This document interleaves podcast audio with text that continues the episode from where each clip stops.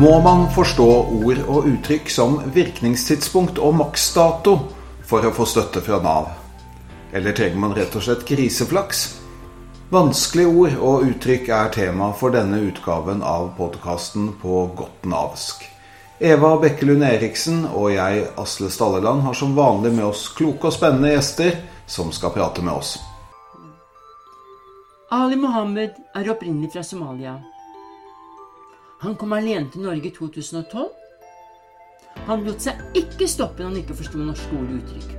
Han oversatte de vanskelige ordene til somalisk og ga ut ordboken 'Griseflaks' på eget forlag. I tillegg har han en YouTube-kanal. Han vil være med og hjelpe andre flyktninger og innvandrere til å forstå, slik at de kan få bedre fotfeste i et nytt land. Ytelsesdirektør Eva Vangsnes Bergli er opptatt av at vi kvitter oss med ordene folk ikke forstår, og er en ivrig forkjemper for et enklere språk i Nav. Nå er de her sammen med oss. Ali Mohammed, hvorfor har du skrevet denne boken? Grunnen til at jeg skrev boka, var jo at jeg sleit med å forstå norsk. Eh, jeg kom jo til Norge som kvoteflyktning, eh, voksen og måtte starte alt fra scratch. Eh, og jeg husker jo, jeg gikk jo på norskkurs, og alt var jo bra, men jeg kom jo på jobb og sleit veldig med å forstå kollegene mine når vi satt på, sånn, på journalrommet, f.eks. Eh, de snakka om alt mulig rart eh, og fjasa, men for min del var jo liksom jeg, jeg følte jo ikke at jeg var med. De lo, og det var jo forskjellige ting, men jeg kjente jo ingenting. Og jeg oppdaga liksom at det med med språk er ikke bare de ordene vi bruker, men alle de tingene som vi har i bagasjen. Det kan være oppvokst, det kan være musikken, eventyr som vi har hørt når vi var yngre, eh, sport. Alle de tingene som, eh, som vi har til felles. Eh, som gjør at vi føler tilhørighet. Og det er jo lettere å delta på samtalene når du har den felles bakgrunnen. Eh, men hvis ikke, da er du like ute. Eh, så det var jo frustrasjonen som gjorde at jeg bestemte meg egentlig å skrive eh, boka. Og jeg, jo, jeg jobber jo på en videregående skole, og jeg så jo at det var jo flere elever som sleit også med, med det samme. Så det starta jo litt med som vanlig Word-dokument, men til slutt det ble jo altfor mye ord og uttrykk. Så det tok jo nesten to år for å liksom skrive ferdig eh, og forstå selv. Eh, og til slutt det ble en bok. Så jeg fikk jo veldig bra tilbakemelding. jeg sendte jo boka til hele Norge og får jo stadig liksom etterspørsel med det å oversette f.eks. til flere språk. Så jeg jobber jo nå med å oversette til arabisk. Så det er jo det som er målet, den kommer jo på flere språk den følelsen du beskriver av å, å, ikke forstå noe når du sitter sammen med vennegjengen din, får man den følelsen når man leser brev fra det offentlige også i Norge? Men, men husk, eh, jeg kommer jo fra et land som eh, Vi hadde jo ikke alle de eh, statlige kontorer eller tjenester som vi har her i Norge. Og når Du kommer, du blir jo overvelda på en måte på masse informasjon. Enten det kan være å søke ting. Og når du får sånne brever og alle de tingene der, det står jo på sånn komplisert språk. Og hvis du i utgangspunkt sleit med norsken, eh, du kjenner jo nesten ingenting. Så hvis du får en avslag og skal klage på den, det er jo like langt å forstå brevet enn å sende klagen inn i fristen, f.eks. Eh, så det er jo det som gjør eh, hele komplisert. Menneskene som kommer til Norge sliter jo med flere ting. De er jo barn som de skal følge med. De er jo fritidstilbudet som de skal følge med. Og i tillegg, hvis du får alle de andre brevene, eh, det sier jo ingenting. Så det blir jo bare Det baller jo på seg. Så det er jo det som er, som er kjernen. Og jeg liksom leser jo av og til at folk som har norsk som morsmål, sliter jo med å forstå brevene fra offentlige. Så da kan du f.eks. Eh, se for deg noen som aldri har gått på skolen, som skal forholde seg til Nav eh, eller andre instanser. Mm. Ja, Eve, du hører hva, hva Ali forteller her. Og, og, trenger vi en bok også, vi som jobber i Nav, eh, rett og slett for å forstå dem vi kommuniserer med? Det er jo veldig gøy å høre på deg da, Ali, hva du har eh, samlet av ord og uttrykk. Og så forstår jeg veldig godt det som er eh, ja, privat, da, når du snakker med venner og alt man har av overførte ord og eh, egne uttrykk. Men det er jo ikke tvil om at vi har veldig mye å gå på også i det offentlige. Og vi hadde sikkert kunnet laget nesten like lang eh, liste i, i Nav eh, også. Um, jeg er veldig opptatt av at vi prøver å si det viktigste først, og også det åpenbare. Du snakker litt om det å, å få en søknad innvilget eller avslag. Men egentlig det du lurer på er jo har du fått ja eller har du fått nei. Og betyr det om du får penger utbetalt, og hvordan skal dette foregå. Så det å hele tiden forenkle språket, og også når jeg hører du snakker, Ali, det å være mye mer opptatt av hva man ønsker skal skje, og hva du skal gjøre, framfor å fortelle hva som ikke må skje, og hva du ikke må gjøre, vil også være til hjelp. Da. Jeg, et, jeg var på et møte i går. Og på en foil så sto det der det kan ikke utelukkes at dokumentet ikke er uekte. Altså Her kunne vi jo sagt at det, det, kan ikke utelukkes at dokumentet er ekte. Men det du faktisk kunne sagt var enda bedre, dokumentet kan være ekte. Så det der å hele tiden eh, være så enkelt som mulig i det offentlige, og du sier det også, Ali, selv de med norsk som morsmål tror jeg ville slitt med dette dokumentet og, og ekteheten. Eve, hvordan, vil, hvordan tror du at du ville reagert hvis du fikk et vedtak med ord som maksdato, virkningstidspunkt, behovsvurdering og bistandsbehov?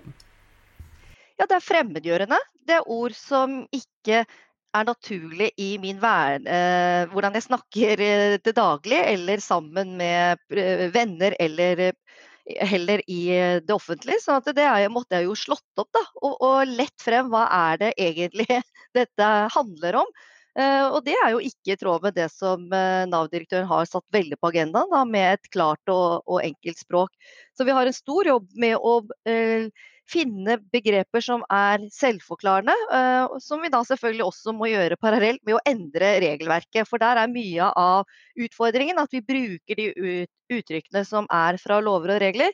Så når vi skal lage nye regler nå, så må vi være mye bedre på å finne et lettere språk. Hvordan jobber du og folkene dine for å påvirke slik at de får enklere lovtekst? Som igjen vil gjøre det lettere å forklare loven fremfor å bruke ord fra loven svært få forstår. Ja, jeg har den leveregelen at vi skal si eh, ting så enkelt som mulig. Og litt som jeg lærte da jeg gikk på barneskolen. Har du flere ting på hjertet, si én ting av gangen. Det å lage enkle, kortere setninger, ikke innskutte bisetninger, gjør at det blir lettere å forstå. Og jeg tror jeg må vende tilbake til det jeg startet med, det å rett og slett si det viktigste først. Og også det åpenbare. Eh, det tror jeg vi har mye å vinne på, ikke bare i vedtak, men også i veiledning. Eh, eksempelvis hvis veiledere er usikre, så tror jeg vi vinner mye på nettopp å starte med å si det, framfor å bare kaste ut nye argumenter og prate på. Eh, for da vil man forstå at her er man faktisk i en dialog for å rett og slett felles utforskning. Eh, så det er mye vi kan gjøre i, i språket av forenkling, men det er som du sier, skal det monne noe, eller skal det utgjøre en forskjell, så må det inn i et strukturert eh, opplegg, slik at alle brevene blir endret. Det hjelper ikke å bare ta ett og ett brev, men, men det må være noe som gjennomsyrer hele måten vi snakker, eh, snakker mellom hverandre og til eh, andre. Vi er i ferd med å skape en ny språkkultur. Hva slags rolle tenker du at du kan ha i dette arbeidet? Jeg har jo en viktig rolle eh, i forhold til dels at jeg har et stort uh, fagområde som jeg er ansvarlig for, men også i uh, min rolle i det offentlige når jeg kommuniserer til media eller på andre flater. Jeg har et sånn prinsipp da, at hvis ikke det kan kommuniseres, kan det heller ikke besluttes. Og det har hjulpet meg mange ganger til å se på hvordan faktisk ting kan kommuniseres. Og så er jeg ganske nøye da, når jeg får ting og forslag til meg til at uh, dette må vi si enklere. Dette må vi si enklere. Og det hender ofte at jeg sender det tilbake to og fire ganger før jeg uh, blir fornøyd.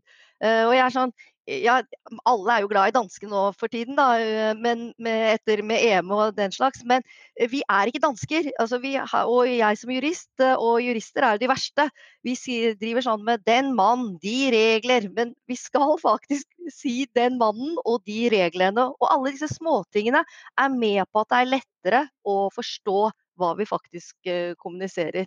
Nei, men det, her, det med å bli møtt på et språk eh, som du kjenner, er jo alfa og omega. og som jeg sier, Folk har jo rett til tolk og alle de tingene der, men du eliminerer jo alle de frustrasjonene og alle de tingene der. Hvis du får et brev på fredag eksempel, som du ikke rekker å gå til Nav, eh, du blir jo sittende hele liksom, lørdag og søndag for å tenke hva er, eh, hva, er, hva står der. fordi det kan gå til Du henger deg opp på bare ett ord eh, som står der.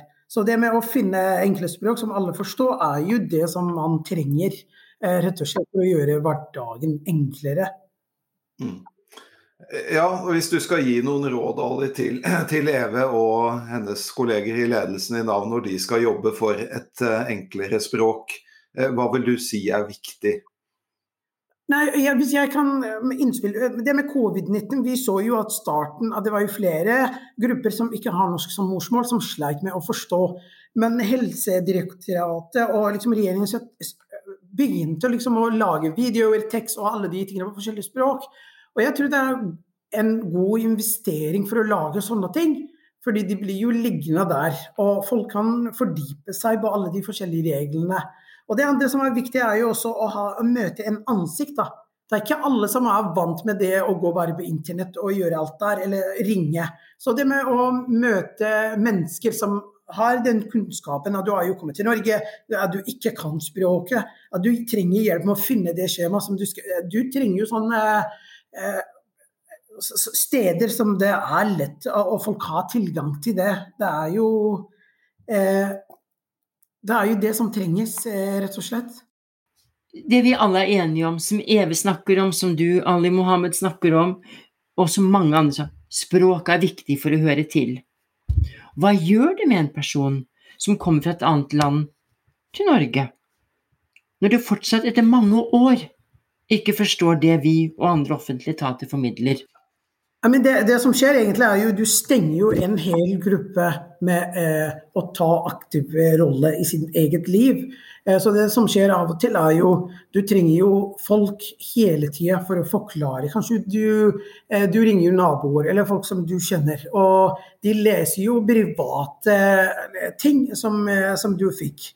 Så det, du, du, kommer jo til kort, eh, rett og slett. Og, det gjør jo at eh, kanskje du blir jo frustrert, eh, fordi du skjønner jo ikke alle de tingene. Og det kan påvirke liksom, at du går til Nav, kanskje, og har et, sånn, et, et relasjon som er liksom, skaper liksom, problemer der, fordi du klarer ikke å, å forstå så det er jo det å og Når vi snakker om integrering og det med å lykkes i Norge, det er jo språket det er jo det som er essensielt. da. Eh, det, det, jo, det, åpner jo dører for å, for å, finne jobb, eh, for å delta på fritidsaktiviteter, for å, for å delta i samfunnet. Så når du ikke har det språket, det er du like ute. Eve, hva, hva tenker du når du hører Ali fortelle dette? Nei, det eh, gjør jo inntrykk på meg, og jeg skjønner jo veldig godt hva du snakker om også, Ali. Det å ha muligheten til å være aktiv i samfunnet. Eh, noe av det aller viktigste alle vi i Nav jobber for, er jo at det er mulig å delta i et arbeidsliv. Eh, og det du sier er jo det at vi er jo hele mennesker, så én ting er hvilken erfaring vi har, hvilken kompetanse vi har med oss eh, i et arbeidsliv, men ikke minst den selvfølelsen å ha mulighet til å være delaktig i et uh, miljø. Eh, og det er jo noe som jeg vet vi vi nå er veldig oppmerksom på, da, og, og, ønsker å få tilrettelagt på en enda bedre måte. Men jeg er ikke i tvil om eh, at språk er en viktig forutsetning for å være en del av et fellesskap. Ja, en, en del av språket vårt er jo disse vanskelige ordene og uttrykkene som, som virker som nesten sitter i veggene i, i, på noen Nav-kontorer, og vi kaller det gammelnavsk. Og en fast spalte i vår podkast er jo at vi skal hive et gammelnavsk uttrykk. Og, og, i denne utgaven, siden det er sommer og vi snakker om vanskelige ord og uttrykk, skal gjestene faktisk gå hive hvert sitt ord Og da begynner vi med deg, Eve. Vi er spent på hvilket ord du vil hive i søpla. Ja, Da må jeg si at jeg dessverre har flere kandidater, men jeg har da valgt én. Og det blir tilståelse. Som tilståelse av en ytelse. Eh, vi mener jo egentlig å innvilge en ytelse. Eller enda mer presis, du har rett til å få utbetalt et beløp. Men eh, mitt ord, tilståelse, går i søppelkassen. Det er et ord vi neppe vil savne, Eva. Nei, det er vi veldig glad for å bli kvitt. Ali Mohammed, Tusen takk. Jeg har jo valgt restearbeidsevne, men eh, du sa i stad at den er jo kasta allerede. Så jeg kan gå til en til, og det er jo fravike. Hvorfor vil du hive fravike? Eh, nei, men det er jo Det sier jo nesten ingenting. Eh, og jeg, jeg, måtte liksom sitte her og google eh, for å finne det ut. Eh, så det er jo det er jo komplisert, liksom, eh, hvis du ser det. Det står jo at du skal fravike fra en ytelse. Er det det som er eh, Fordi du skal ha, ikke ha det.